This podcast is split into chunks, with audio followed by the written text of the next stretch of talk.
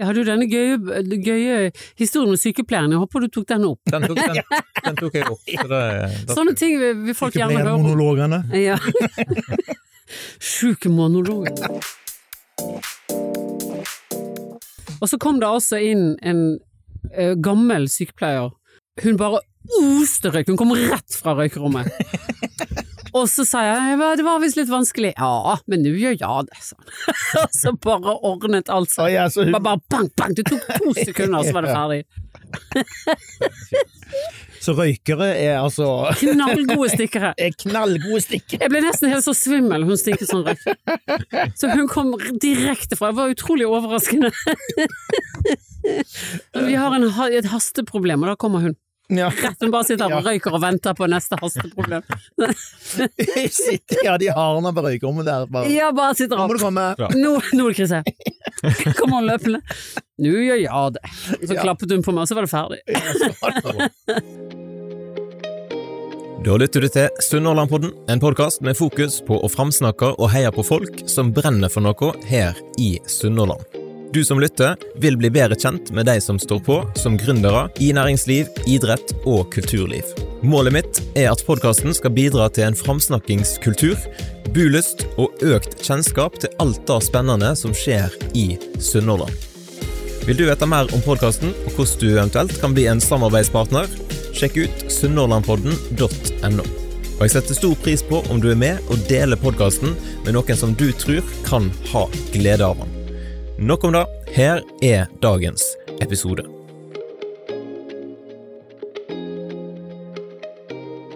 Den 2. til 12. august så er det igjen klart for ei fantastisk forestilling i Moster Amfi. Da er det nypremiere på Kristina fra Duamålet, og i dag så har jeg fått besøk av Elisabeth Moberg og Espen Harna i studio for å få et lite glimt av hva som skjer på Moster nå. Velkommen til Sunnmørpodden. Tusen takk, Tusen takk for det. det er knall å være her. Ja. Helt kjapt i starten nå, hva er Kristina fra Duamålet, og hvorfor bør den som nå lytter ta turen til Moster Amfi nå i august? Jo, det er jo egentlig veldig lett å svare på. Det er jo fordi, eh, fordi det er en fantastisk oppsetning, og at det er så mange med, og at eh, det er så mye frivillige. Det blir så svært. Sånn at eh, hvis man Og Kristina fra Duvemala er en fantastisk, eh, nydelig musikal med utrolig mye fin musikk. Det er jo ABBA-guttene, hallo! Ja, sånn at Så hvis man har sett det før, så er det gøy å se det igjen. Fordi den er jo ikke så kjent, den musikalen. Det, det er i Sverige, først og fremst. Den er superkjent, tror jeg. ja, den er det. Og så er den vel òg kjent i forhold til at man kanskje har hørt en eller annen skuespiller synge fra den musikalen. Det er jo de færreste som i hvert fall har sett den, eller uh, opplevd den uh, live i en konsertform og sånn, for det, det er jo et eh, svært verk, dette her. Ja, Det er jo en, ja, ja, ja, og det er jo en uh, Første gang den ble satt opp i fullversjon, er jo her, Ja, faktisk. For to år Eh, siden. Mm. Og det har jo vært eh, Altså, det, den er jo uh, uendelig lang, egentlig originalversjon, om vi skal si det sånn, men, men de driver jo hele tiden og justerer på den uh, for å liksom optimalisere den, og i, for to år siden så hadde vi jo selveste Anders Elias her. Jeg, jeg, ble, jeg ble skikkelig starstruck. av Ja, han. Jeg tror jeg har sagt fem ganger til deg at han var der. Vet du hvem som var der? For. Anders Elias er jo, er jo han som har jobba med ABBA og Bjørn og Benny gjennom hele karrieren deres, nesten. Altså med, med både Chess og med og ABBA og Kristina Dumåla som arrangør, og som ja, Ja, han er så- ja. magisk. Det er akkurat som han ikke fins. Han er så kul. Ja, han er liksom Ja, eh, Og så er han så hyggelig. Veldig hyggelig, Ja. og han ble på Moster i Jeg tror han skulle bare komme innom noen dager, men jeg tror han ble der i et par uker, for han syntes det var så vakkert. Og tror, Mm. jeg tror Det som var gøy å se på han, var at han, når han kom, så var han jo litt usikker på For at han reiser rundt liksom og sjekker kvalitetssikre ABBA-produkter, tror jeg egentlig. Han er liksom litt av mandatet hans. Men, og så kom han her til Moster Amfi, liksom, og tenkte ja, ja, det er vel noen amatører liksom som holder på. Så jeg tror han ble helt blown away når han hørte altså, kvaliteten på eh, orkesteret, sangere eh, og hele eh, opplegget var så profesjonelt at jeg tror han ble helt eh, Han ble sikkert satt ut. han ble skikkelig satt ut, tror jeg, Ja. og, og både av stemningen rundt og, og mm, med liksom eh, Moster som bakteppe, da, så tror jeg han syntes det var helt stas. Ja. Så jeg tror han kommer tilbake igjen i år òg. Mm. Eh, og og det er jo eh, veldig flott, for det, det er jo han som på en måte har nesten Jeg skal ikke si at det er han som har skrevet det, men det er han som har arrangert det hele ut ifra der, og det, det, er jo på en måte Det sier noe om kvaliteten som, av det som blir lagd på, på Moster Amfi, eh, og det er jo nesten den eneste plassen i Norge hvor du kan oppleve Altså Folketeateret selvfølgelig i Oslo, men, men Ja. hvor du kan oppleve Men formatet Ja, formatet med Fordi- så stort ja, at- at- orkester og Ja, og at Bømlo Teater har så utrolig mange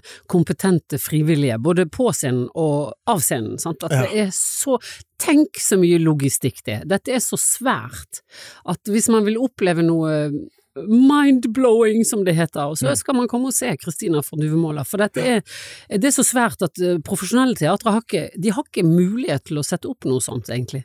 Faktisk. For dette, ja, for dette, det, på, men det er på grunn av kompetansen i de som gjør dette, eh, det frivillige kunstnerisk høyverdig arbeid. Ja. Rett og slett. Ja. Vi skal komme litt tilbake igjen til stykket etter hvert, men det er jo kjekt at folk som lytter da kan bli litt bedre kjent med dere også. Elisabeth, Mm. fortell litt om hvem du er og, og de reiser i da, revy og musikkverden og teater. ja. Og nå blir jeg, jeg, blir, jeg blir kjempenervøs med en gang. Nei da.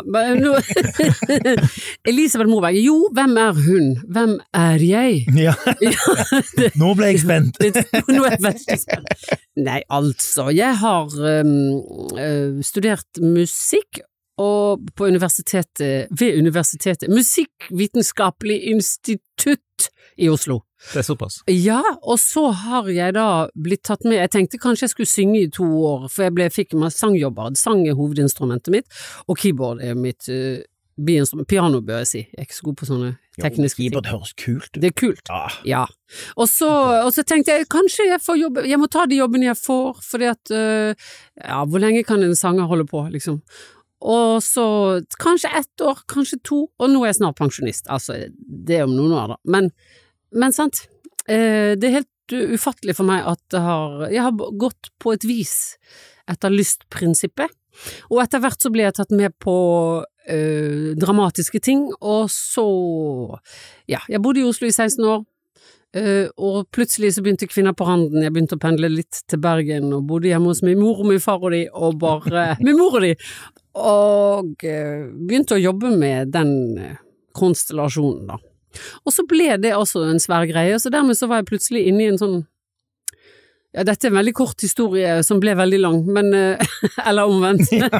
Lang karriere, vet du. Så har du Ja. fil, spilt filmer, har du Ja, spilt. Jeg har liksom holdt veldig på. Så plutselig så ble jeg bare dratt med på alt mulig rart. Det er en eh, venninne som eh, jobbet masse som sanger, og hun tok meg med fordi eh, den som pleide å gjøre jobbene med henne, holdt på med noe annet plutselig. Altså det er tilfeldigheter, da. Det er vel det som er poenget med mitt liv. At det er en lang rekke tilfeldigheter, og så har jeg hatt det veldig fint hele tiden. Og vært sånn passelig kjent, og vært sånn passelig eh, Og Grand Prix har du vært med i, for det husker jeg Ja, det- veldig. Det, Ja, det var så fin låt. Ja, og så har du jo kora mm. mye Grand Prix òg, har du ikke det? Jeg har vært med bare to ganger og koret i Grand Prix, men jeg har koret masse. Ja. ja. Mange, mange år. Det var en som skulle intervjue meg en gang, som trakk fram en liste hun hadde tatt ut fra nettet. Eh, Alle plateproduksjonene mitt navn står på. Det er altså så uendelig mange prosjekter. Det var livet mitt, da. Det var å kore på Løp eh, og syklet rundt i Oslo. Fra studio til studio, og sang for popartister, og, for, og sang klassiske ting innimellom, og gjorde masse rart. Og sang um, Det var den det var, Jeg ble altså sanger da det ble nærradiostasjoner skulle ha jingler, og det var reklame. Det var liksom frislipp av masse ting. Så jeg har sunget så sykt mange inn og lese, sant. Partiturer. Håndskrevne partiturer, svære ting, og så ble det etter hvert som tiden gikk, så ble det mer eh, digitale noter, og så plutselig så var det bare Kan du bare finne på noe gøy? Og så sto du inne i et bitte lite rom fra svære studioer, sant, med mange, hvor vi var kanskje grupper på åtte, seks, fire Og så plutselig så sto man alene i, i en leilighet et sted, i et lite rom med eggekartonger på veggene, og sang, og bare fant på noe. Ikke helt ulikt dette studioet her. faktisk. Dette minner veldig, minner veldig, ja, det er utrolig sjarmerende. Ja. Så jeg er jo egentlig en slags studiorotte, jeg, fra gammelt. Så jeg har levd masse av det, i mange, mange år. Hva vil du si er det gøyeste du har vært med på? Ja, det, det aha. Mm, det må jo være Kristina fra Duvemåla, det da. jeg syns dette er veldig eh, stor, storveis å få være med på, faktisk. Men eh, det, det gøyeste, det mest sjokkerende, henger jo sammen med det, og det er kanskje premieren til Kvinner på randen, den første, i februar, tror jeg det var, i 96, da at uh, det smalt så utrolig, at man akkurat så hele verden hadde sett på et sånt stort svart hull og tenkt ja, der burde det vært et eller annet sånn, og så plutselig var vi der, og så var det rett. Altså det, det er en flaksting, da. Det er en storartet flaksting som skjedde der, og da var det ti år med fullt trøkk med Kvinner på hånden. Med TV-serier og forestillinger. Vi spilte hver forestilling i to år, og det er jo helt ubegripelig at det går an. Jeg skjønner jo det nå. at det er liksom Hvor utrolig ja, det er big jo time helt, det egentlig eh, var. Eksepsjonelt. Ja, så det, altså. ja, det er det. Du da, Espen. Jeg har jo googla sånt, og på Wikipedia-sida di så står det skuespiller, tekstforfatter, komponist, sanger, og så har jeg tenkt på forfatter òg, for du har gitt ut ei bok. Jeg har gitt ut ei bok òg, ja. Det har jeg faktisk for to-tre-to år siden. Det har jeg. Det høres veldig flott ut, og jeg har jo aldri tenkt at jeg skulle bli forfatter, men eh, jeg, jeg tror jeg skal skrive mer, faktisk, og det synes jeg var veldig gøy. Heia. Ja, heie på det. Ja. Ja. Det, Nei, men jeg er, det, det er for så vidt dekkende, det. Eh, Det som du sa der. Eh, Jeg er jo Skulle bli pianist, det var det som var planen min. Og begynte på Rogaland Teater som pianist når jeg var 16, eh, i orkestergraver der for eh, barne- og ungdomsteater og det. Og så skulle jeg gå den veien, søke konservatoriet etter hvert, og så men så ble jeg eh, litt mer bitt av duften av et gammelt teater, og syntes at det var veldig spennende. Så flytta jeg til Oslo, Um, og bodde der, og søkte på Teaterhøgskolen der, og kom inn der i 88. Og da ble jeg kjent med Elisabeth Ja. eh, på Filmkafeen i de, de tider der, når vi spilte der, og samtidig mens jeg studerte, da. Eh, og så har jeg vært ansatt på Rogaland Teater siden 1991 som skuespiller fast, eh, med permisjoner innimellom og sånn for å gjøre litt andre ting og sånn, men Og så jobber jeg mye med musikk parallelt, kan du si. Så jeg har hele tida hatt eh, musikken veldig present i eh, karrieren min, da, hvis vi skal få lov til å kalle, kalle det det litt allergiske mot ordet karriere, men, men, men eh, i ja, yrkeslivet mitt, for å si det, så har jeg mye, brukt mye musikk på siden av sånn i kabareter og revyting og ja. dritgod. Verdens vittigste og gøyeste og flotteste Så fint Elisabeth. I, li, I like måte. Og meg og Elisabeth har jobba sammen i flere ganger. Vi har spilt chess i sammen, vi har spilt Sound of Music i mm. sammen. Og vi har vært på plattform sammen. Og vi har vært på på oljeplattform i Nordsjøen i sammen, Ja. faktisk. Såpass. Ikke som ja. oljearbeidere, men Nei, som underholdning. Ja. Ja. Det var driftsstans, og da hadde vi Vi var underholdningen. ja, så da var vi ute på med skikkelige survival suits. Det var så tøft, det. Ja, det var veldig kult. Uh, nice, så, ja. Og så ja, gjort veldig masse forskjellig. Mm. Jeg har gjort mye forskjellig. Jeg har jo gjort mest sceneting, da. Jeg har jo ikke vært eh, Altså, jeg er- jo ikke Det er mange som eh, Altså, det er rart å kjenne på, på en måte, at eh, i denne bransjen her, når du har vært i bransjen gjerne ja, sånn som meg som har vært i bransjen i 30 år, og jobba mest scene, så er du alltid litt sånn førstereist når du kommer andreplasser, fordi at du ikke er eksponert på TV så mye, sant, og, og sånne ting, så det, ofte så blir man liksom øh, føler seg litt utenfor noen ganger, men, men, men, øh, men jeg øh, har hele tida valgt på en måte at det er scenen som jeg øh, vil gjøre. Eh, Selv om jeg synes det er kjekt de gangene jeg har filma eller vært med på serier, så, så, så synes jeg at det er liksom møtet med publikum som jeg har mest igjen for, og på en måte klippe meg sjøl, og ikke bli klippet av en klipper i et klipperom, liksom, og på en måte være herre over min egen eh, Fy. Ja, man rytme. tar, ja, ja. Mm. liksom på en måte litt det. Mm. Og så har jeg skrevet den boken som er på en måte en slags eh, oppsummering av, eh, eller en slags oppvekstroman, men jeg er tørrlagt alkoholiker, da, så jeg og kommer fra et eh, ganske sånn alkoholisert hjem, egentlig, eh, og jeg slutta å drikke for 15 år siden, og på en måte, den boka der var på en måte litt, litt sånn resultat av, av det. Eh, at jeg hadde lyst til å på en måte skrive historien min, da, på en måte. At, eh, uten at det skal bli en sånn en eh, rusbok helt, da. Så der har du meg i Ja. en kokosnøtt. Ja. Mm. Jeg hørte da at du hadde utfordringer med angst i ungdomstida, og så lurer jeg på hvordan var den koblingen fra å ha problemer med angst til å stå på scenen? Du vet hva, det er en av de få tingene jeg ikke klarer å svare på.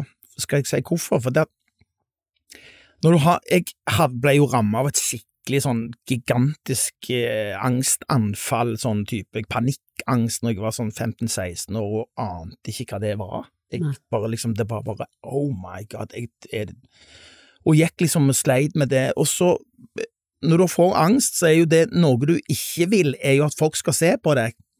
Og jeg hadde så mye angst at eh, jeg husker når jeg var, da var jeg jo 16 og skulle spille forestillinger på Barneteater, da husker jeg at jeg drakk eh, sangria. Fordi jeg fikk tak for, for å klare å eh, gjøre noe når jeg hadde angst. Altså, jeg, jeg justerte det hele med alkohol fra jeg var 16 år gammel, egentlig. Og hvor den tanken på um, at jeg skulle bli skuespiller, og at jeg skulle stå på en scene hvor alle ser på meg, eh, det forstår jeg ikke. Det er faktisk akkurat nesten litt sånn eh, magisk på en måte, men når det er sagt, når jeg kom fra teaterskolen og var ferdigutdannet og debuterte på Rogaland Teater, så hadde jeg så mye angst hver kveld at jeg trodde jeg skulle dø. Altså. Mm. Sånn at og det, det var jo noe som gjorde at alkoholforbruket mitt eskalerte så veldig òg, for jeg prøvde liksom å selvmedisinere meg sjøl til å liksom bare tåle trøkket, for jeg hadde jo liksom tross alt utdanna meg til dette her, ikke sant. Men, men eh, og så når det gikk skikkelig gale, så, så var det akkurat som jeg bare bestemte meg, hvis jeg skal gjøre dette, hvis det er det jeg vil, å leve et liv på scenen og gå på jobb og stå på scenen hver dag, så kan jeg ikke ha så mye angst.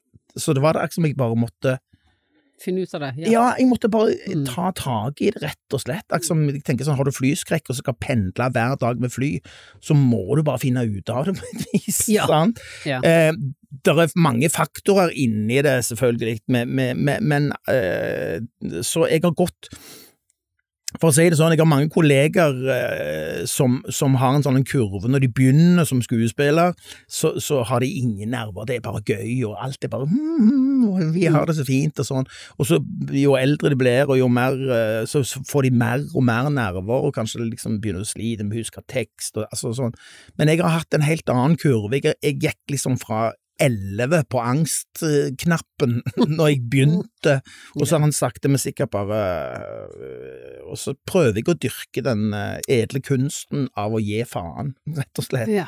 Det er litt Prøver liksom å leve litt etter det. Gud, det var et langt svar. Men det var et fantastisk svar. ja. Hmm. Det er nesten så vi må sove litt. Det var ja, vi må ta en hvil. Vi må ta en hvil. Ja, det var fantastisk. Altså, jeg blir jo nysgjerrig, jeg kunne tenkt å lage en egen episode bare om det, men eh, Ja. da får folk eventuelt eh, løpe og kjøpe boka Edru og uten filter, Ja. som den heter. Ja. Jeg har den med, så du skal få den, Elisabeth. Jeg har den i båten. Sånn er det. I dag er episoden sponset av Vertsila Norway. Wärtsilä Norway utvikler ny framdriftsteknologi med fokus på elektrifisering og framtidas drivstoff, som gjør den maritime bransjen mer bærekraftig. Verksemda har sitt utspring i motorprodusenten Wickman, med lange tradisjoner på Bømlo og i Sunnhordland, og feirer i 2023 sitt 120 års jubileum. Stor takk til Wärtsilä Norway for at de ville være med som sponsor for denne episoden.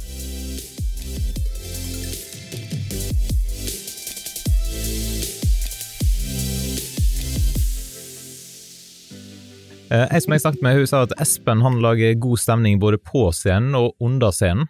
Hva ligger i det?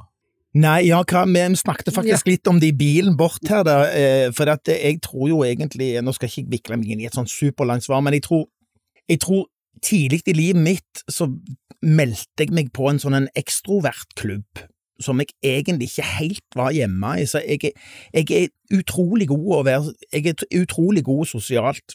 Og når jeg sier da eh, at jeg egentlig er litt introverte, og har faktisk snev av, eh, av uh, sosialangst av og til og sånne ting, så, det, så sier de fleste yeah, right. Mm. ja, du særlig. Ja.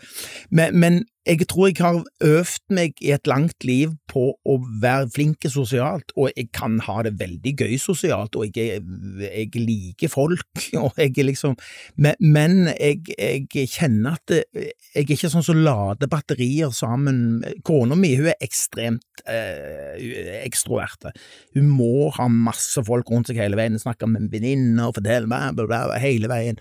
Eh, jeg har nok mer en sånn en stille, liten gutt-følelse, som jeg må på en måte slippe til av og til, og være litt sånn rolig, selv om jeg er god sosialt. Og så er jeg opptatt av at folk skal ha det hyggelig, altså, tror jeg. Det er det korte svaret. Det, det. At jeg liker når folk går, så liker jeg Altså, jeg liker jo gøy. Ja. Altså, gøy er jo gøy. er? Gøy er jo ja. gøy. Eh, så, det, så, så jeg eh, Ja, jeg, jeg tror jeg, og jeg tror jeg er god på det, å få folk til å føle seg vel i mitt selskap, og det syns jeg er en uh, god kvalitet. Da. Jeg kjenner meg veldig igjen i store deler av det der. Alt, Ja. egentlig. Ja. Ja, og jeg, jeg tror at dette her å ha prøvd seg etter hvert som skuespiller og sånn, at det er en fantastisk Jeg kommer liksom fra en annen greie hvor man øh, synger og man skal bare Det er mye med klang, og det er mye med Man skal gjøre ting på spesielle måter og sånn, og øh, ja, forholde seg til estetiske regler og sånn.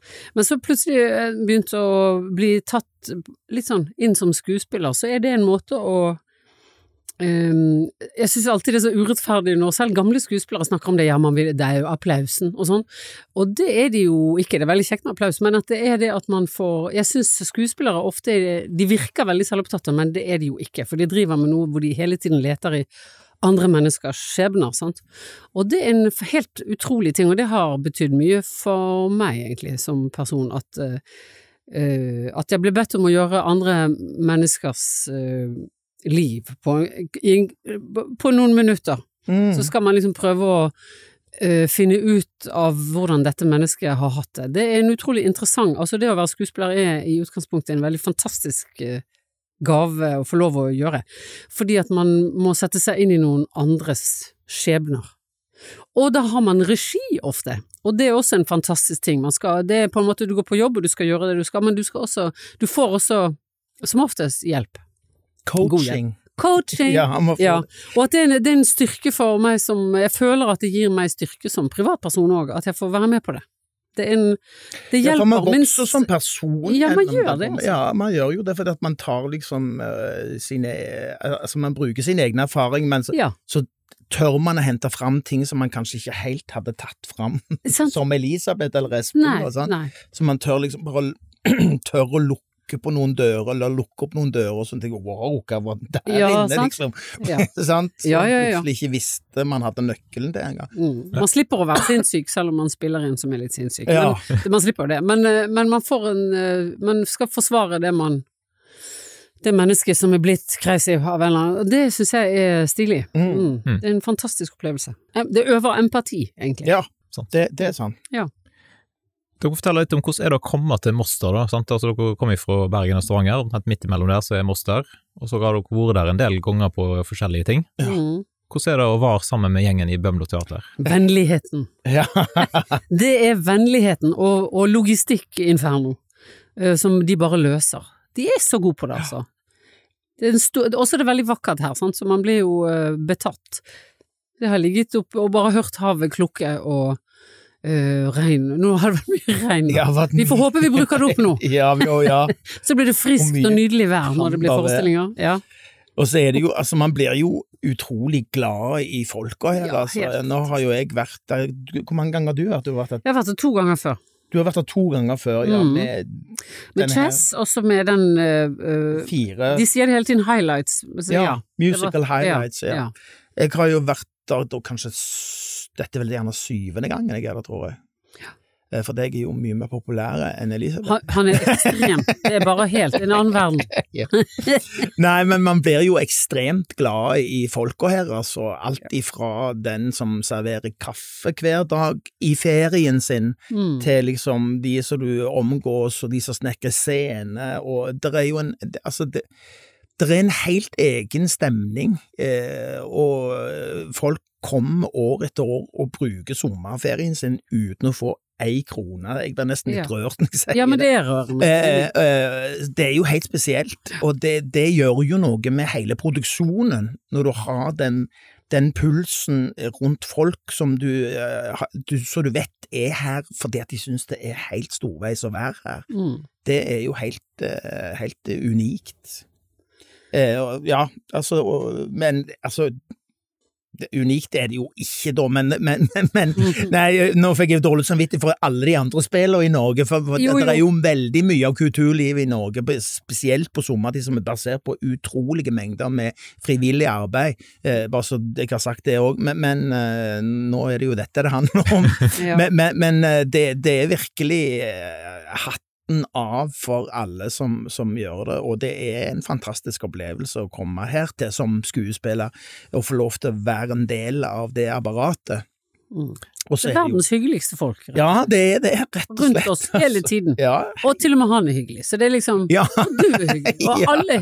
Ja, sant. Det er Ja, Ja, det er hygge her. ja. Mm. Og det er ja, omsorg og Varme. empati og varme. Det varme. Mm. Men jeg har hørt at du Espen har bodd på veldig mange forskjellige måter når du har vært her, Ja, jeg har det. for eksempel. Nei, for eksempel ett år på SS Story så bodde jeg i lavvo. det visste jeg ikke, så gøy. Jo, i lavvo da, og så har jeg bodd i stort sett i en sånn camper som jeg har hatt med meg opp. eh, For eh, jeg har en filosofi eller en idé, det er ikke alltid det slår til, men at det, på sommerstid så er det viktig for meg å skalere ned livet mitt til noe eh, litt eh, ukomfortabelt. Ikke ukomfortabelt, men, men spartansk, da. Ja. Sånn at det, eh, Å lære oss til at eh, ok, nå må vi vaske klærne våre sånn, vi har ikke så mye klær, vi har vi strøm? Kan vi lage noe? Hvordan skal vi koke mat her? Er det Primus. Har du hatt primus og sånn. Ja, gasskoking og sånne ting som det. Mm. Um, og rett og slett skalert det ned til liksom et minimum, og nå har jo antallet år på meg skalert opp, da, så jeg kjenner jo at det, det, det er litt behagelig å ha et hus òg, spesielt nå i denne perioden her.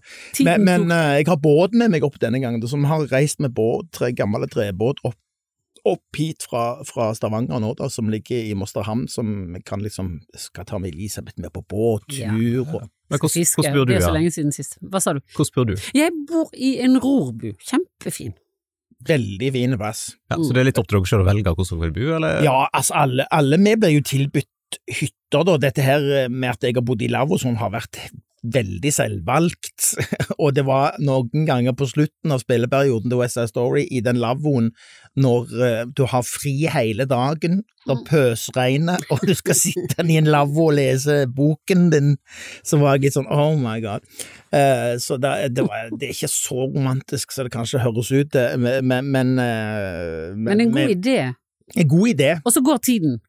Tiden går, vet Ja. du, også, men, men det som har vært litt av filosofien min, da, eh, kona mi er jo helt imot dette her, hun, hun liker ikke det, hun vil, hun vil ha det behagelig. Eh, Men, eh, men filosofien min har vært liksom, når man har liksom skalert det helt ned, og så når du da kommer hjem igjen og har varmt vann hele veien og dusj, så er det jo luksus. Du, da bor du jo liksom i Taj Mahal plutselig. Sånn. Så det, det, det har vært litt av uh, greia. Ja. Ja. Du, du drømmer vel om en husbåt, gjør du ikke? Jo, Mm. litt om en husbåt og på å bo i Det har jeg lyst til å jeg, for jeg tror det var du som sa det en gang, ja, og så tenkte jeg å, for en knallidé. Så jeg er litt der, altså. Men den, den må bli mer og mer behagelig da, etter hvert som tiden går. Ja, og det handler jo veldig om temperatur for min del, og jeg synes jo det kunne godt vært 20 grader, nei 10 grader varmere her nå. Eh, sånn Ja at det handler jo litt om det, men når det er sagt, så er det jo ingenting som er så vakkert som kysten her, og med øyer, oh, og fint. det er så fint at det Ja, da tror jeg alle som lytter til Sunnmørpodden er nye, da. Ja, Ja, ja, ja, ja, ja. heldiggrisene. Ja. Men fortell litt mer om stykket, da, og hva rolle er det dere har, eh, Elisabeth, hvis du begynner? Ja, jeg spiller Fina-Kajsa, og hun er altså en gammel dame som er med på denne reisen. og Hun er nesten egentlig for gammel til å ta en sånn reise, men hun skal besøke Hun skal til sin sønn. Så hun tar ut sine siste krefter og sin siste Ja, og øh, siste del av livet, hun har tenkt å finne sin sønn og bosette seg hos ham. Og han har skrevet vidunderlig, han skriver godt, han sønnen. Og det har jeg lest i Mobergs bøker. Ja. Så han, han, han skriver godt, og og viser seg han lyver godt da. Han, har, han trodde jo ikke at øh, mor og far skulle komme. Så, øh, men han har invitert dem og sagt at han har det så storveis. Og så har han det, han har det greit egentlig når de kommer dit, men det er ikke med i, i denne forestillingen. Men, men hun ender sine dager, altså Fina Kajsa, som hun er i boken, hun ender sine dager i åkeren til sin sønn, hvor hun prøver å drive Uh, finne mat der, og hun ender med at hun ligger og går i ett med jorden på marken, altså åkeren, grå, og hun har, da har hun vært der i noen år, og hun er blitt, hun dør med noen poteter som hun har klart å få opp av jorden oh. i hånden. Så det er en sånn, hun har en, fryktelig endelikt, og sønnen ligger døddrukken på whisky inni huset. Så sånn er bokens finakasse enda sine dager sånn, så det er vel der jeg er på vei, men foreløpig så er hun fresh. du vet hvilken Eggum-låt det er? Ja, De han- ja, ja, ja. Hun, hun, hun likte sin konge, hun elsket sitt land, men hjertet sa stopp da hun gikk etter vann, og det var det ingen som så. Ja. Ja, så det jeg er litt sånn. Men, men hun er altså i musikalen er hun litt mer enn det, for hun er satt sammen av litt forskjellige personer. Og det tror jeg var rett og slett hun som gjorde den originalt, Marianne Mørk i Striden. Hun er sånn veldig vittig og veldig kjent i Sverige, og veldig personlighet, sånn kjendispersonlighet, og operasanger og veldig vittig. Og hun, eh, hun, hun tøt seg, hun tøt så mye, hun tøt seg inn i prosjektet. Ja. Så, hun, så da laget de en, en rolle som var. Ja, de skrev henne inn. Og da skrev de, da gjorde de henne Så hun er en blanding av seg selv i historien og sin mann, som egentlig dør under overfarten, men her er han ikke med i det hele tatt. Men, um, og så er det noen andre som også Så de tingene hun sier, de er liksom fra flere personer. Mm. Så hun er litt annerledes som type i musikalen enn hun nok eh, fremstilles som Men. Elisabeth blir veldig morsom i den rollen. Syns. Ja, det blir supergøy. Ja, uff a meg. Det er liksom, jeg hopper etter Wirkola, da. Det er Britt Synnøve som gjorde det for to år siden, og dritgøy. steinkjekt. Så jeg satt og lo og koste meg med Britt Synnøve Ja. da jeg så filmen fra oppsetningen. Hun med Hun skal ha med seg en slipestein som Ja. hun eh, går og dresser på hele veien. Ja. Fordi at de er svært dyre. Gode slipesteiner er svært dyre i Amerika, så hun har tatt med en til gutten. For de er billigere her hjemme. De er mye, mye billigere hjemme. Ja. Du da, er. Espen? Du, jeg spiller Daniel, som er onkelen til Kristina. Som er da en predikant, predikant, emissær, som har en slags liten menighet, en liten, nesten en sekt, eh, holdt jeg på å si, så han driver en, en menighet. Um, hvor han eh, har masse påtrykk fra eh, presten og kirka at dette som han holder på med, er ikke lov eh, å drive forkynnelse uten, uten å ha tillatelse fra kirka og politi og alt dette her, og føler seg prest, rett og slett. Som gjør at han tenker at vet du hva, jeg vil dra til et land hvor jeg kan få mene og hevde og tro på det jeg vil. Så han eh, hiver seg med når eh, Kristina og Karl Oskar eh, og familie reiser ut, så blir eh, Daniel òg med, og kona og fire unger på turen. Og litt av menigheten. Og menigheten òg, ja, Mm. faktisk, eh, blir med han. Ja. Eh, ja. Så det er Daniel. Han eh, Jeg er litt usikker på hvordan det ender. Altså, Kona hans dør jo på overfarten, så han kommer jo til Amerika med fire unger og blir eh, eneforsørger for fire barn. Eh, han er med ut, de drar jo til Minnesota. Altså, det jo, dette her er jo ikke bare Altså, de reiser jo fra eh, Sverige over til New York, ikke sant, og så er det jo med jernbane og med dampbåt, og så drar de fram til Hva det heter eh, Falls eh, ja Taylor Falls. Falls. Taylor Falls, ja. Ja, Taylors Mhm. Falls i Mhm. Minnesota, så det er jo en vanvittig lang reise, altså egentlig overfarten, Atlanteren er jo egentlig bare en del av det. Mm.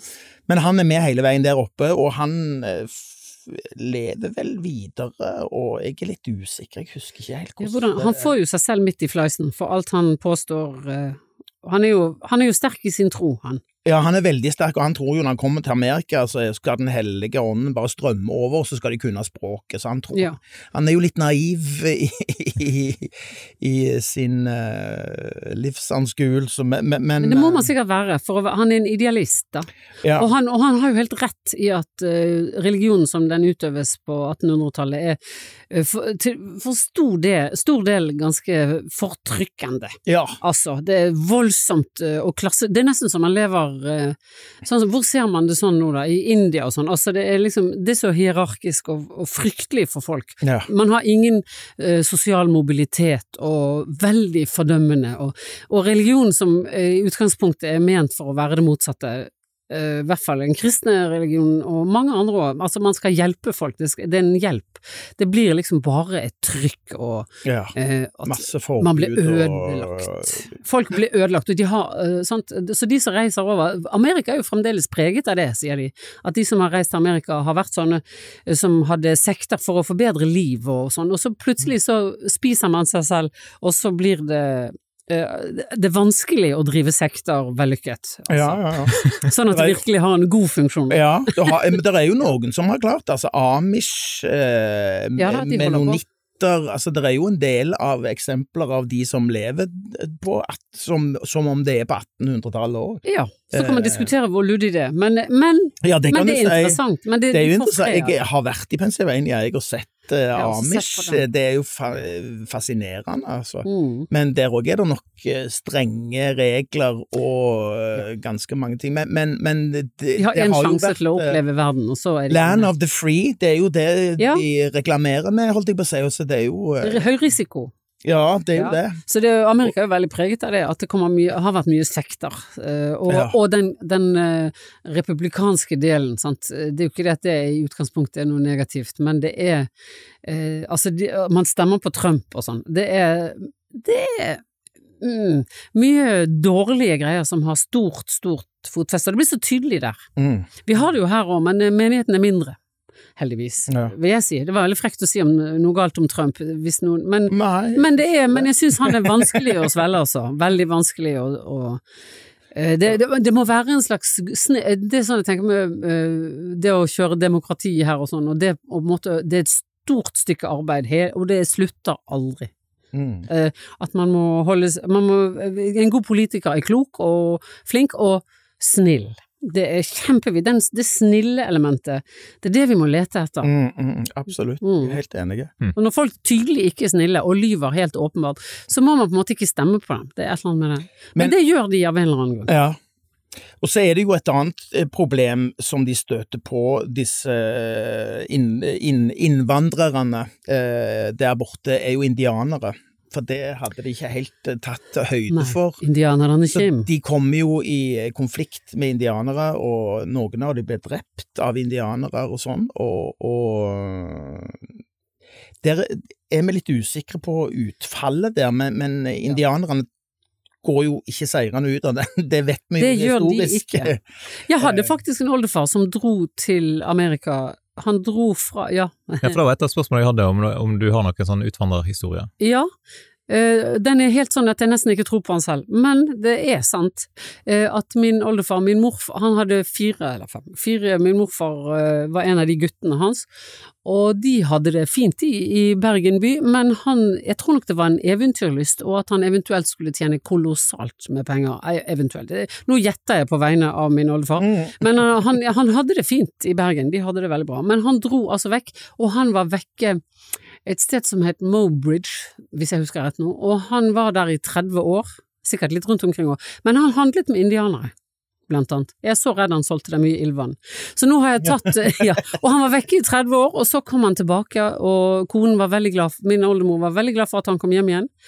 Eh, hun var ikke sint, visstnok, i det hele tatt, og han har jo sikkert sendt penger og sendt uh, brev og sånn. Jeg har ikke sett et eneste brev, men jeg vil tro at han òg var flink å skrive, siden hun holdt ut i 30 år og ventet på ham da. Eh, og eh, da min mor fortalte at han gikk foran med stokk og var flott fyr, og så han var veldig floddings, og så kom eh, hennes farmor, altså min oldemor, bak og var veldig fornøyd, hun var liten og kvikk og var så stolt og glad for at han var kommet hjem igjen. Og han har da Jeg har nå nettopp tatt sånn My Heritage, sånn og Ja. skrapet DNA-et mitt for å se om, det, om jeg har en indianerfamilie. Hvis han ikke var så Jeg vet ikke. Det var 30 år, altså. Han Ja. var ikke hjemom. Om, han, om jeg kanskje har masse indianerslekt. eh, Det kan jo hende. Du vet aldri. Mm. Så jeg er litt sånn spent på det. Ja, ja, Men det er For du min har ikke eh, fått svar ennå? Nei, jeg har ikke fått svar ennå. jeg, jeg har også tatt det den. Har du? Ja. Det er gøy. Og jeg har alltid, og det er en rar greie, for at jeg har alltid hatt, vært enormt opptatt av jøder. Ja. Eh, og det Altså, den enkle forklaringen er liksom sikkert at jeg har spilt i spill med han på taket, og liksom, men alltid når jeg har vært og reist i byer, syns jeg det går jødiske kvarterer, og lest mye om holocaust, selvfølgelig, og sett filmer og alt det bla, bla. Men, men vært enormt opptatt av det. Så tok jeg DNA-tester, og så lå jeg hjemme på, i senga mi og faktisk så på en holocaust-film, så bing, så kom det sånn svar fra, fra My Heritage-greier. Og der er jeg faktisk da 2% askenasiske jøder, faktisk. Der kan du se. Ja.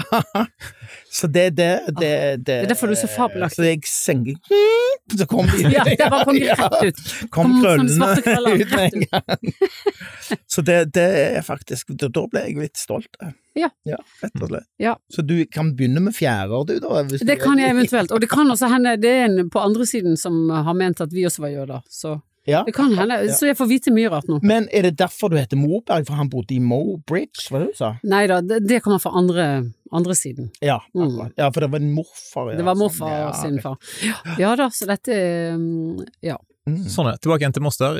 ja, ja, det var det. Nå har vi vært skikkelig ute i verden. Men det handler jo om det. Ja, sant det gjør det. Mm. Men hva er det mest utfordrende da med å spille i dette stykket her? Jeg har for eksempel hørt rykte om at eh, skråscene kan være en utfordring. Ja, det er det. Det er en ganske heftig skråscene òg. Veldig. Jeg har spilt på skråscener før. Kvinner på randen dro på turné i to år eller noe sånt. Vi spilte på skråscene.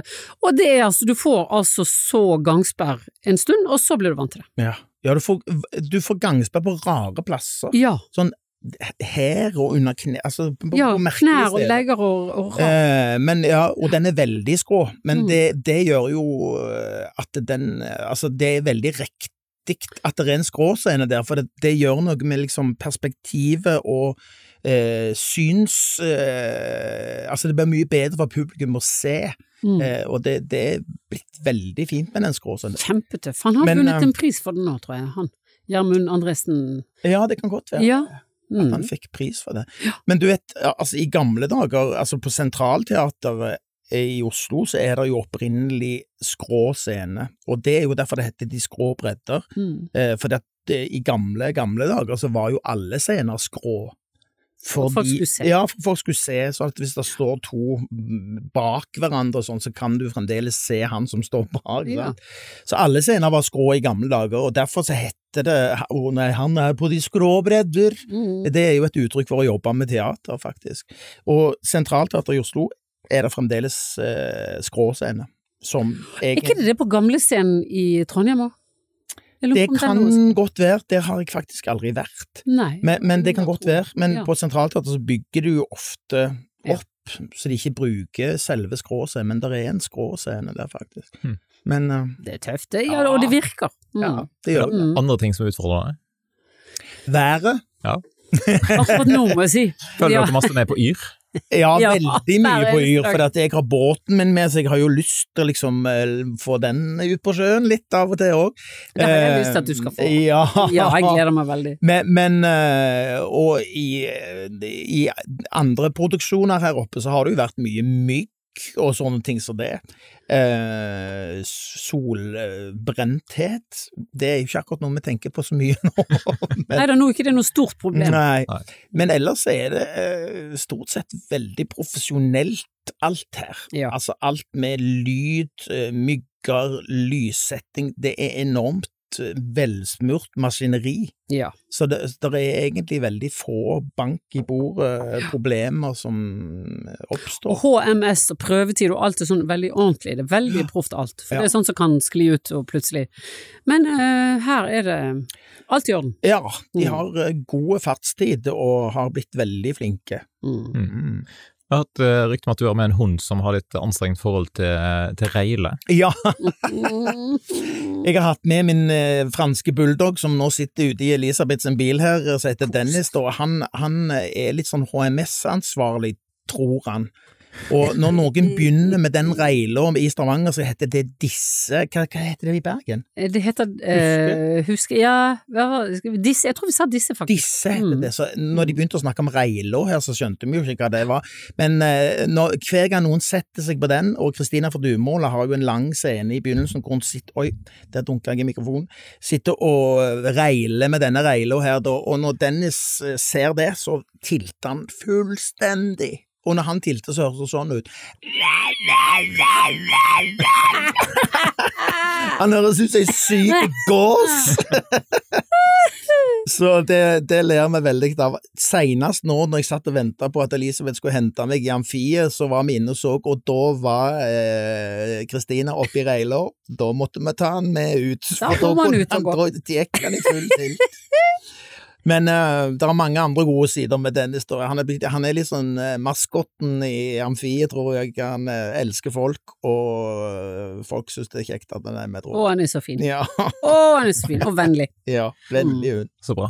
Ja. Stykket ble jo satt opp i 2021, og dere sa at da var det liksom første gangen i Norge skikkelig. Mm. Eh, hvorfor setter den opp ah, nå igjen, to, bare to år senere?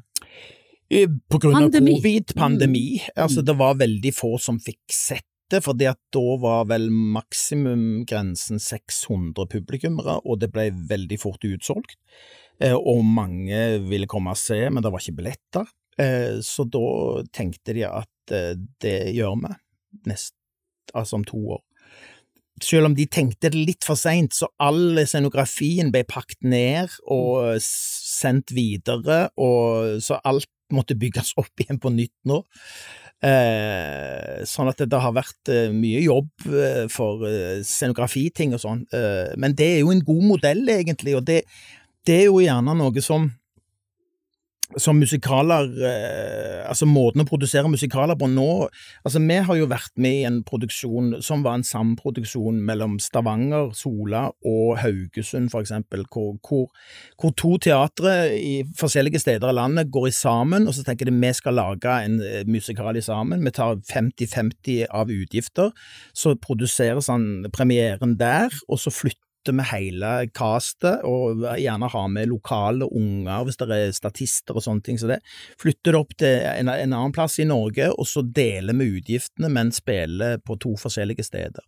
Det er jo kanskje noe som burde tenkes her òg, at man kan iallfall lagre ting, og så tenkte kanskje vi skal ta det opp igjen, hvis det er en Mhm. stor suksess, kanskje ikke nå, men kanskje om tre-fire år, at det, det går an å tenke litt sånne ting som, som er med på på en måte å gjøre det litt mer bærekraftig. Ja visst.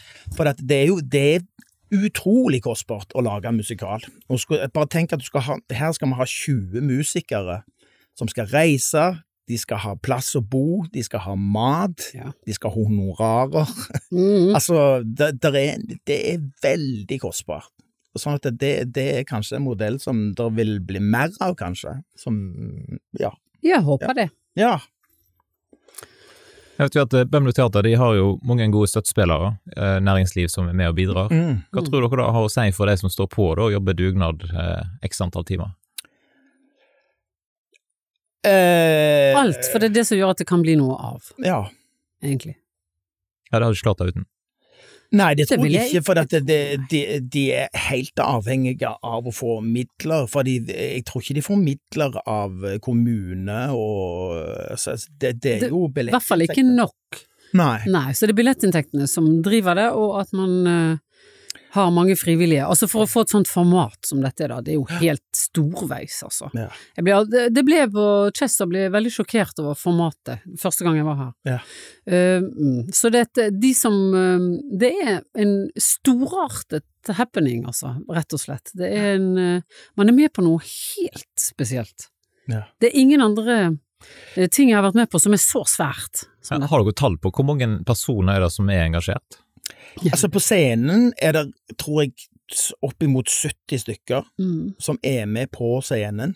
Eh, og utenom så er det sikkert eh, like mange. Mm. Så jeg vil anta oppimot eh, gjerne 150, kanskje. Ja, helt sikkert. Og orkesteret er 23, ja. Ja. Eller noe sånt. Så, så det er, der er, altså det er uhorvelig med folk, altså. Og, men det som er jo kjekt å se, da, er jo at eh, for eksempel hovedrollen Karl Oskar nå, han var jo med i Chess, eh, i ensemble, og eh, mange av de som har vært med som starta som lokalensemble, har på en måte Så det er jo på en måte eh, Altså, det, er jo en veldig viktig inspirasjon for, eh, for unge folk som har lyst til å drive med dette, som har lyst til å gå videre og bli profesjonelle i bransjen, og det er jo et fantastisk kor som er med her inn, som er et kjerkekor egentlig i, på Sortland, er det vel, eller på Bremnes, jeg vet ikke hvor de holder til, så, som er helt ypperste klasse, Ja, fabelaktig. altså. Veldig god. Mm.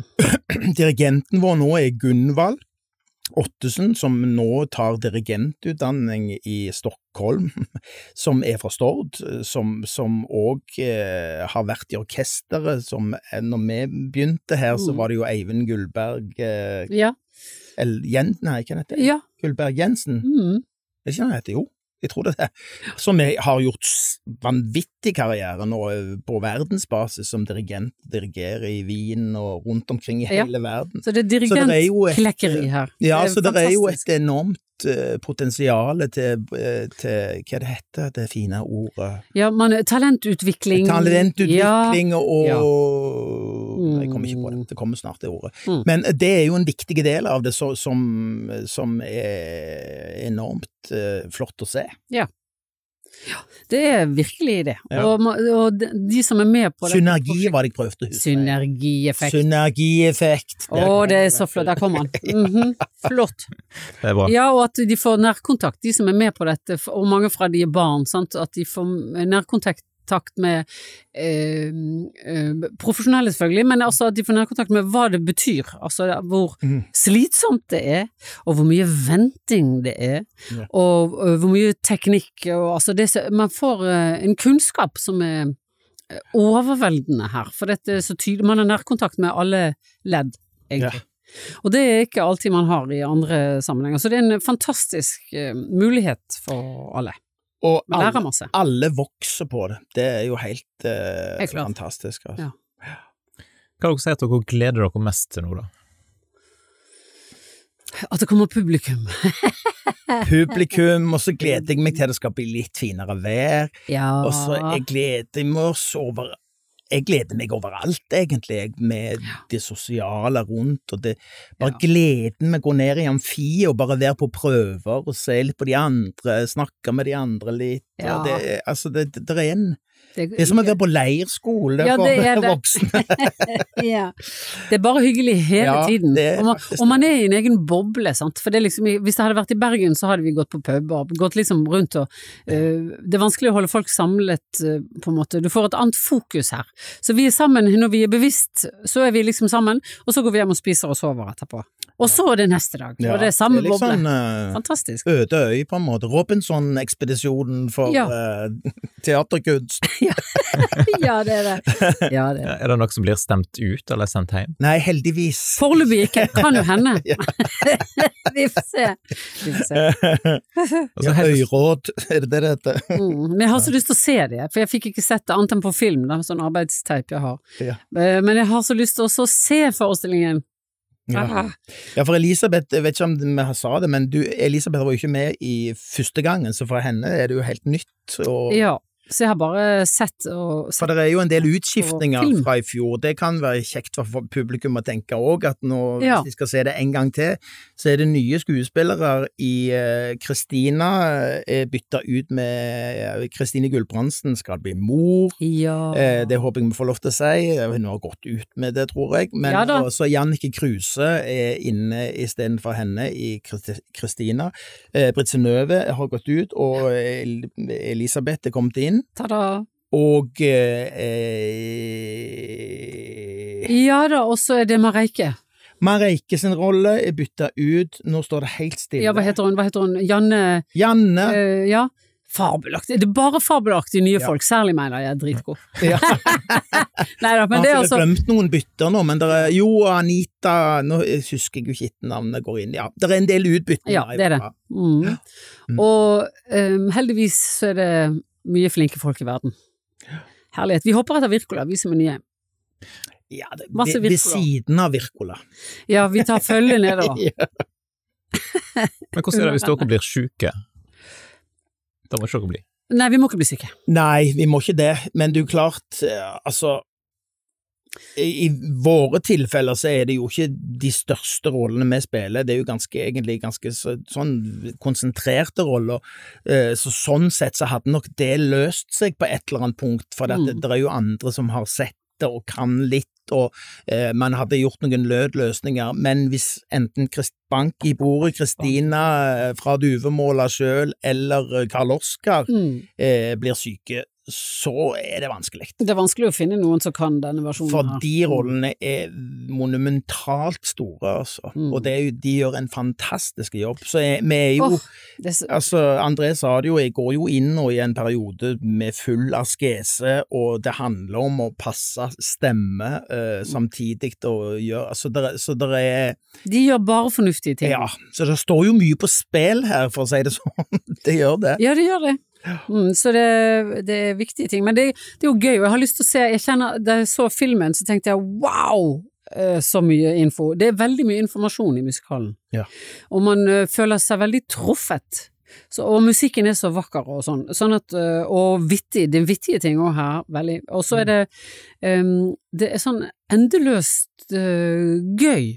Og og jeg merket også, jeg så filmen flere ganger, jo mer fikk jeg ut av det og sånn. Så jeg tror at til og med de som har sett det før, vil synes at det er gøy å se det om igjen, for det er så mye detaljer, det er så utrolig mye som skjer. Ja. Nå er vi noen nye personer men det er, som gjør rollen og sånn, men det er eh, så fint laget. Og hvis man ikke kjenner musikken kjempegodt når man ser det første gang, så kanskje man har veldig utbytte av å se det en gang til. To ganger, ja. Ja, Absolutt. mm. Det Så jeg, det må jeg bare få lov å si, at eh, For da jeg så det første gangen, så satt jeg og jobbet og tenkte på sånn Men da jeg så det andre gangen, så begynte, det, begynte jeg å kjenne på ja. eh, emosjonene. ja. At du, du blir revet med. Det er flott musikk, altså. For det, jeg, når jeg kom her første gangen eh, for to år siden med, med denne musikalen, så hadde ikke jeg noe spesielt forhold til det i det hele tatt, egentlig. Nei, det er vanskelig noe å ha med det. Ja. når du, når, når du har eh, latt det synke inn litt og bade litt i det, og når du da hører det igjen, så er det jo en helt sånn wow, nå Ja. kommer den, nå kommer den, nå kommer den. Ja. Eh, så da er det jo en ekstra,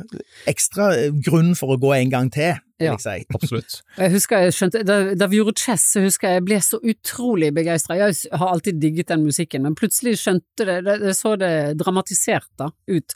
Så så man, uh, hører man hvor flinke de er til å skrive krangler, for eksempel. Ja. Det er så utrolig, Ja. uh, det har slått meg. Så det, her er det også en del krang, krangling. Ja, de er gode Veldig gøy det å krangling. skrive de der Ja, de- krangelduetter, Ja. liksom. Eller, Ja. Ja. Lus, for eksempel, her er veldig gøy. ja, veldig gøy. Å, fantastisk. Mm. Syns du vi snakker mye? Er Nei, bare sitter og prøver å ta ordet, Ja, og vi bare Å ja! Men, men Men- når du sier filmen, da mener du filmen av eh, teaterstykket, sant? Eller Ja, det er en siste- som er laget av eh, For det kom jo også en film i fjor. Ja, den har ikke jeg sett, faktisk. versjon. Ja. ja. Jeg Den husker jeg bare Liv Ullmann som sa Karl Oskar hele tiden.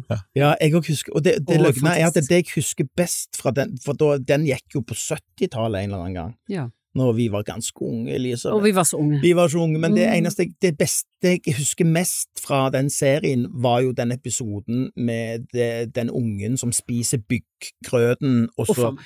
Det er ikke helt ferdig, det er sånn svelle i magen, og så dør barnet på det. Men så husker jeg òg at Karl Oskar sa man måtte pisse i Guds frie natur, Karl Oskar. Det var noen som sa til Karl Oskar. Det husker jeg. Ja. Og siden så har du forholdt deg til det. ja, Det men den ligger på Netflix fremdeles, den serien, eller den hele serien, altså innvandrere, utvandrere, nei, utvandrere, innvandrere og nybyggerne, er det ikke det? Det er tre deler. Den ligger på Netflix, den serien med, med Max von Sydow og, og Liv Ullmann, faktisk. Ja. Mm. Fire bøker i hvert fall. Men eh, ja, Ja, Men det er, det er en øh, Og jeg, har, øh, jeg leste ganske mye av dette der, for jeg syns det var artig. Jeg leste Bibelen også, jeg er helt klin kokos. Ja. så da jeg var ung var jeg klin kokos. Men helt tenkt du er i bibelbeltet nå, vet du. Ja, jeg vet. Men, altså, men det er så utrolig, for det er veldig mange som, som er veldig opptatt av Bibelen som ikke leser hele. Men jeg tok, tok meg på tak, som det heter, og leste Ja. den. Men jeg leste også Utvandrerne, store deler av den. Men det har jeg, jeg har glemt mye av både Bibelen og Utvandrerne. Så nå hørte jeg på Sverre Hansen. Ja. Han leste inn, det kom ut i 81, og det har jeg nå gått og ryddet i huset og hørt på det, og bare stoppet opp og bare hørt. Det er så nydelig. Hva kaller man det? Epos? Ja. Det er virkelig eh, fantastisk. Jeg måtte bare høre hvordan eh, Fina-Kajsa var i boken, for jeg husket ikke så mye om det. da jeg skulle gjøre henne. Så, men eh, nå er jo hun litt utvidet med Ja. ja. som jeg snakket om i sted. Men, Mm. men det, er, det, er det, er, det er fantastisk materiale, og endeløst eh, aktuelt, sant? fordi at eh, på grunn av eh, ja, flyktninger, og at folk lever dårlig, at folk sulter, og at, at livet er tungt og vanskelig. Og det er ikke så lenge siden, jeg merker det når jeg blir eldre nå, at det er kortere og kortere tid bakover. Altså, jeg ser at det er ikke lenge siden 1850. Det er liksom mitt liv et par ganger, så er vi der. Sant? Mm. Altså, det er en Og min oldefar dro. Altså, det er en eh, Det er utrolig kort tid siden, hvis du ser litt stort på det. Det var skikkelig vanskelig her. Og, og folk har det vanskelig i verden, og det må vi bare ta til oss så snart eh, Ja, det er flyktninger, og det er, det er høyaktuell problemstilling. Vi skal ta godt vare på eh, De som kommer. hverandre. Ja, og de som kommer, og hverandre. Ja, man skal passe på at ingen eh, At det ikke kommer eh, For det, alt dette her er jo en følge av at det er dårlig drevet. Ja. Landet var dårlig drevet, og det er det mange land i verden som er i dag òg. Mm. på ett, definitivt. ja, og Ja. huske på liksom at på ett punkt så har vi jo alle vært både utvandrere, innvandrere på et punkt. Ja. At, men det liksom ikke Ja, vi er liksom ikke sånn at vi er amøber som bare sto opp fra fjorden. Nei. Vi er jo Vi kommer fra et sted, alle sammen, ja. Mm. Vi har jo funnet ut mye om dette. Jeg skal jo finne ut mer om My Heritage og sånn. Ja, ja, ja. Herlighet, jeg er veldig spent. Absolutt. ja. Ja. Men det, det er kanskje det viktigste med hele stykket, det er akkurat det. Ja. At man eh, At Moberg da slår ned på Det hørtes ut som jeg, men at Wilhelm Moberg slår ned på um, urettferdighet. ja. Er det slektskap? Nei, altså, ikke så vidt jeg vet. Jeg, jeg er mer sånn fra Os. Og det er jo litt sånn geografinavn, Moberg-aktig. Ja. Ja. Så det er, ja, det er både norsk og svensk navn. ja. Sant. Moberg er sikkert i Danmark. Ja, altså. Moberg! Ja, ja. Yes. Jeg har vel ikke så veldig mye berg, men noen. Jeg pleier alltid å spørre gjestene hvor kan folk følge med på, på dere, hvis, eh, hvis de vil følge med på dere. Er dere aktive i sosiale medier? Eh, ja, jeg er på Facebook i hvert fall, og så har jeg en, en eh, eget talkshow som jeg sender på TV Vest eh, en gang i uka som et intervjushow, holdt jeg på å si, eller talkshow. Eh, ja, det er litt stas å ha eget talkshow, da. Og det det er ligger på, på Det er helt svimmel, det er så bra. Ja, det ligger på YouTube Mm. på, under Sirkusana, eh, med C. Sirkus. Eh, så der ligger det masse episoder eh, med masse fine folk som jeg intervjuer, og de spiller og synger og gjør um, kjekke ting. Bra, Du må få inn og se det. Du da, Elisabeth? Eh, jeg er jo på Facebook og sånn. Jeg er til og med på Instagram, men jeg gjør ingenting. Jeg bare ser på andre ting. Ja. Og, så, men, jeg- men ja, så burde jeg hatt uh, talkshow, og jeg burde hatt The Movie. Z. Burde hatt mange movies og sånn, Ja. men jeg har ikke det, altså. Så vi får se. eh, og jeg burde gitt ut masse Jeg har skrevet musikk siden jeg var kjempeung, og nå er jeg snart død, så jeg burde jo gi det ut, kanskje. Jeg vet Du ikke. må jo Tekst og gi det musikk. Ut, ja, du skal ha Ja. masse låter det. Ja. Så nå får vi se, da, om det blir noe av før jeg dauer. Vi får se. Ja, men bra. Jeg sier tusen takk for besøket i studio, iallfall. Og så ønsker jeg lykke til med premiere og alle forestillinger som skal være. Og hvis du som lytter har lyst på flere glimt ifra det som skjer i Moster Amfi framover, så anbefaler jeg at du følger med på Bømlo Teater sine sider på Facebook og Instagram, for der deler de masse spennende innhold framover. Bømlo teater er på sosiale Ja! Ja, det er det Så der må man følge med. Der skjer det Absolutt. masse. Der kommer det nye filmsnutter daglig. Ja. følg med. Ja. Og kom, kom, og jeg gleder meg til at publikum kommer. Jeg synes Ja. det, er altså, det er ikke det at jeg er helt klar ennå, men jeg gleder meg til det. Ja, Mm. Merker, vi er ustoppelige. Ja, ja, ja, ja, ja. Vi klarer ikke å slutte å snakke. Takk komme. for at vi fikk komme! Det var kjempekoselig her. Har vi brukt opp alt oksygenet nå, tror jeg? Ja, jeg tror det. Så nå blir vi enda mer vrøvlete. Takk for at du lytta til dagens episode av Sunnhordlandpodden. Og har du lyst til å gi en tilbakemelding, så er det kjempestas om du sender en melding enten til meg eller til eh, gjesten som jeg hadde med meg i dag. Det er alltid inspirerende å høre ifra deg som har lytta til episoden, hva du syns.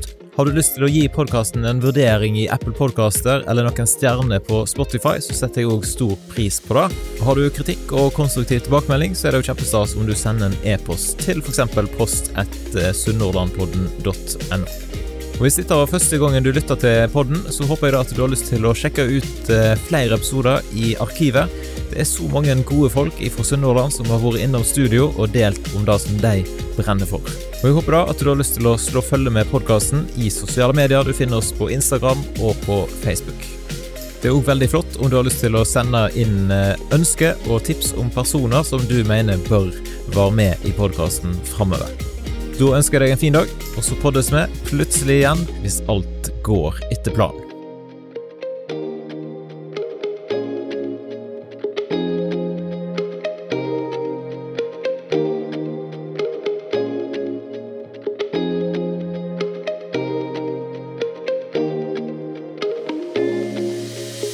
Podkasten er produsert av Kjetil Fyllingen.